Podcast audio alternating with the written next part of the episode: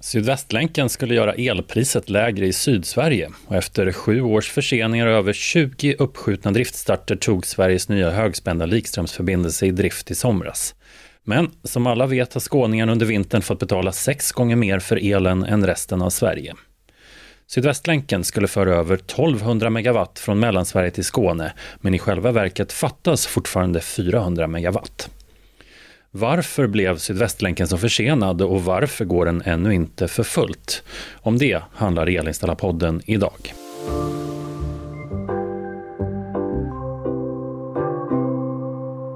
Du lyssnar på Elinstallarpodden, ett program från tidningen Elinstallatören. Jag heter Henrik Sannesson. Vissa kritiker hävdar att Sydvästlänken är en byggskandal i samma storleksordning som tunneln genom Hallandsåsen. Starten planerades till december 2014 men det var inte förrän juli 2021 som den högspända likströmsförbindelsen togs i drift. Frågorna är många. Varför valde Svenska kraftnät bolaget Alstom som saknade erfarenhet av likströmsförbindelser framför svensk-schweiziska ABB som uppfunnit likströmstekniken? Vad vill man egentligen lösa med Sydvästlänken och varför fungerar den inte som avsett? För att reda i turerna kring Sydvästlänken har jag med mig Marie Granmar, frilansjournalist som regelbundet medverkar i Elinstallatören. Tack för att du är med i Elinstallarpodden. Tack för att jag får vara med. Du har skrivit ett dussintal artiklar för Elinstallatören om Sydvästlänken och de förseningar som präglat projektet. Först bara så att alla hänger med. Vad fanns det för skäl till att man ville bygga Sydvästlänken? Ja, den stora startpunkten var väl ett stort strömavbrott i september 2003 som gjorde att en och en halv miljoner människor i södra Sverige blev utan ström. Och samtidigt hade avvecklingen av Barsebäcks kärnkraftverk börjat. Så den systemansvariga myndigheten Svenska kraftnät drog slutsatsen att elnätet var sårbart och behövde förstärkas. Och då väcktes eh, idén om Sydvästlänken för att kunna överföra mer effekt från Mellansverige till Sydsverige. Jag kommer faktiskt ihåg det där strömavbrottet. Jag jobbade på Sveriges Radio då, på Ekot och satt på jouren där de har avbrottsfri kraft. Så att det bara flimrade till en sekund i datorerna och sen startade allting igen.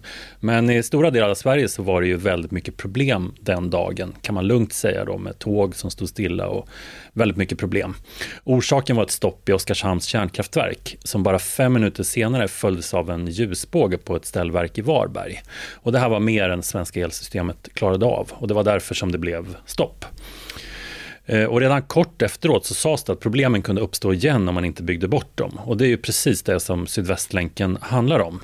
Men Sydvästlänken är inte vilken kraftledning som helst utan en HVDC-länk. Vad betyder det och varför valde man den tekniken? Ja, det är till och med en så kallad VSC, HVDC-förbindelse. Ja, nu är det många förkortningar alltså. Ska vi ta reda ut eh, vad de betyder? Ja, HVDC står för High Voltage Direct Current, alltså högspänd likström. Och VSC betyder Voltage Source Converters och är en teknik som ABB var först ute med. Och på svenska heter det spänningsstyva omvandlare. Och de sitter i de så kallade omvandlarstationerna som har byggts på några ställen vid länken. De eh, spänningsstyva omvandlarna hjälper bland annat till att stabilisera växelströmsnätet och se till att spänning och frekvens hålls på rätt nivåer. Det är viktigt när mer förnybar energi som sol och vind matas in på nätet. Sydvästlänken består också av två länkar som vardera har kapaciteten 600 megawatt. Och det är för att få ett mer robust system än om man bara hade byggt en länk. Vad är grejen med likström här jämfört med växelström? För resten av elnätet i Sverige är väl växelström? Ja, de allra flesta svenska kraftledningar överför växelström. Men en anledning till att man valde likström till Sydvästlänken är att det ger mindre förluster när stora effekter ska överföras långa avstånd. Och det är ju syftet här. För det finns ju flaskhalsar i överföringen från Mellansverige till Sydsverige. Och här gjorde man alltså två länkar om 600 megawatt. Och det är ungefär lika mycket som en till två kärnkraftsreaktorer producerar.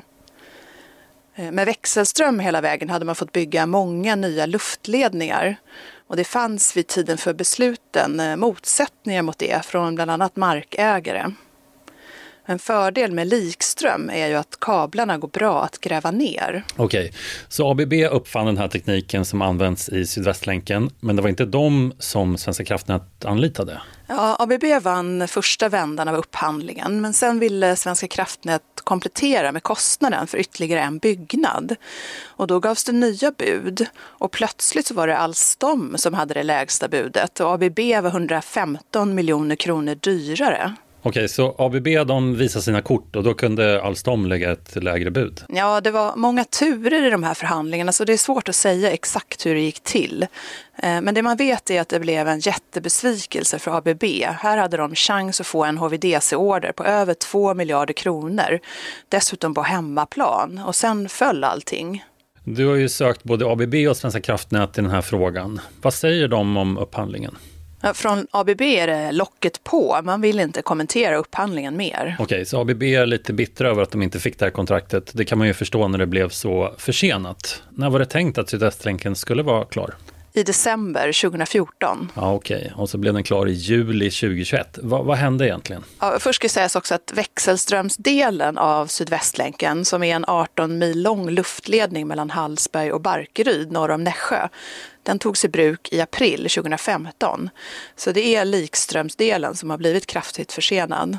Vad är det som är eh, det svåra med eh, likström egentligen? ABB började jobba med VSC-tekniken eh, som har aktiva komponenter i strömriktarna redan 1997. Och jag pratade med en tekniker på ABB som ville vara anonym och som hade hört om Alstoms arbeten på senare år med styrningen i omriktarstationerna.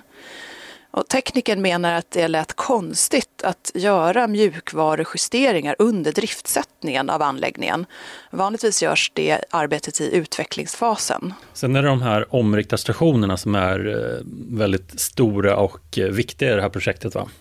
Ja, eh, det är två omriktarstationer där först växelström omvandlas till likström för att sedan omvandlas tillbaka till växelström.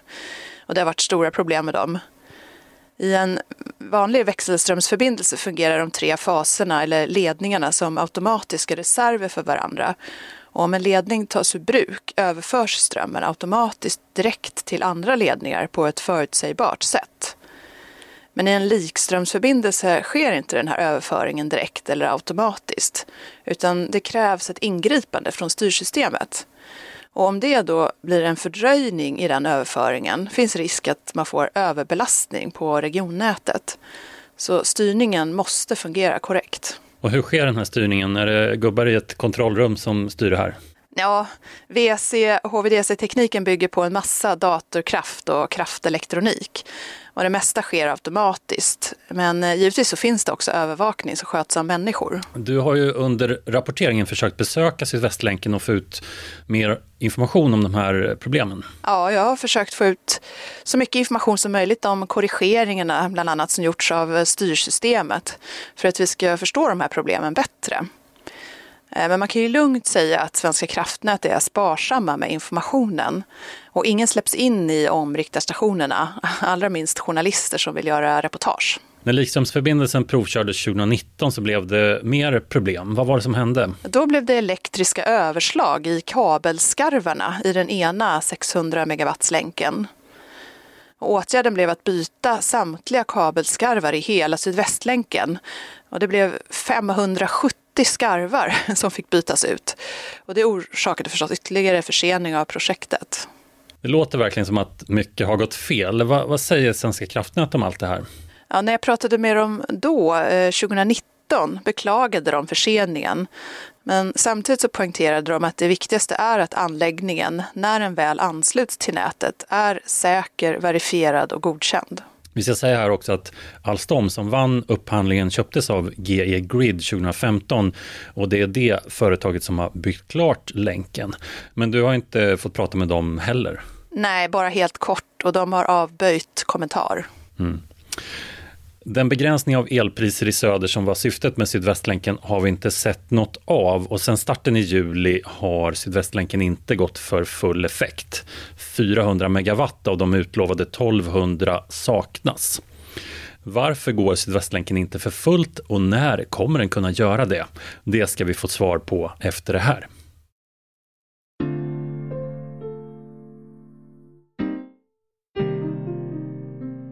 Elinstallapodden idag om Sveriges dyraste elledning. 7,3 miljarder kronor skulle den kosta.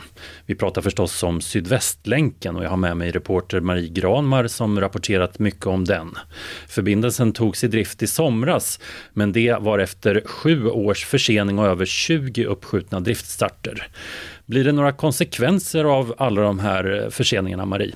Ja, enligt Svenska kraftnät så blir det leverantören av omriktarstationerna, alltså GE Grid, som får ta mycket av den ekonomiska smällen och betala för all extra tid som har lagts ner i projektet. Men utöver kostnaden, blir det inga andra konsekvenser av att ett sånt här stort projekt blir så mycket försenat? Ja, några konsekvenser framkom i en rapport som blev klar i november förra året det var Statskontoret som då presenterade sin utvärdering av hanteringen av projektet. Kom de fram till något spännande? Ja, det kanske mest intressanta är att länken ännu så länge bara överför 800 megawatt istället för 1200 megawatt och att alltså 400 megawatt fortfarande saknas. 400 megawatt, det betyder att eh, Sydvästlänken bara går för två tredjedelar av vad som var planerat. Vad beror det på? Ja, det Statskontoret säger är att en befintlig transmissionsledning tillfälligt är tagen ur drift på grund av arbeten på den. Och det gör att det inte går att föra över 1200 megawatt från elområde 3 till 4. Okej, så efter 20 förseningar så kör man igång Sydvästlänken, men den ger ändå inte det man sagt att den ska ge utjämning av effekt och elpris. Då undrar man ju, när kommer den göra det? Jag har flera gånger ställt den frågan till Svenska kraftnät, för det fanns inte med i utvärderingen. Eh, och de har sagt hittills att det kommer att dröja antagligen till år 2030 innan Sydvästlänken når full effekt. Åtta år till alltså. Vad, vad säger Svenska kraftnät om det här? Hur, hur kan det ta så lång tid att uppnå något som egentligen skulle vara klart redan 2014? Det finns ju flera förklaringar till det. Men den nuvarande situationen handlar till exempel om bortfall av planerbar produktion och ökad elanvändning i tätorter i södra Sverige och nya utlandsförbindelser. Och svårigheten att nå maxkapacitet beror en hel del på arbeten med att förnya transmissionsnätet på västkusten. Och där pågår flera stora projekt. Och när de är slutförda, enligt planen år 2030, förväntas Sydvästlänken kunna gå på full effekt. Statskontorets rapport har också kollat på om det var rätt att använda den här ganska nya likströmstekniken, VSC-HVDC.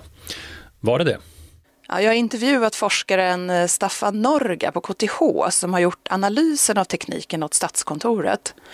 Och han konstaterar bland annat att flera andra HVDC-ledningar som påbörjades samtidigt som Sydvästlänken inte har blivit lika försenade.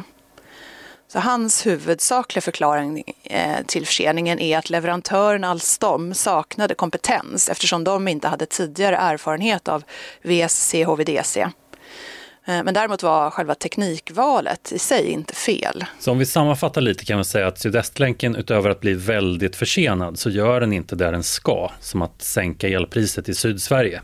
Finns det några ljusglimtar i den här historien? Det utvärderingen tar upp är att eh, kostnaden kommer att bli lägre och landa under budget för projektet. Och det beror inte bara på att leverantören får betala viten för förseningen. Eh, det är också delar av projektet som inte har genomförts och flera tekniska funktioner som inte har byggts. Till exempel så skulle det ha blivit en förgrening till Norge, men den idén skrotades redan 2013. Eh, och en funktion som planerades från början var så kallad dödnätsstart, som var ett krav efter strömavbrottet 2003, men det blev inte heller av. Enligt Staffan Norga är inte alla de här funktionerna längre nödvändiga, så på så sätt var det ju positivt att spara in de här kostnaderna. Okej. Tack så mycket Marie Granmar för att du var med i Elinstallarpodden. Tack så mycket. Du har lyssnat på Elinstallarpodden, ett program från tidningen Elinstallatören. Följ oss gärna på Facebook och prenumerera på Elinstallarpoddens eget nyhetsbrev. Programmet görs av mig, Henrik Sannesson. Om du vill sponsra programmet, hör av dig till Ivan Alenblom på ivan.elinstallatoren.se.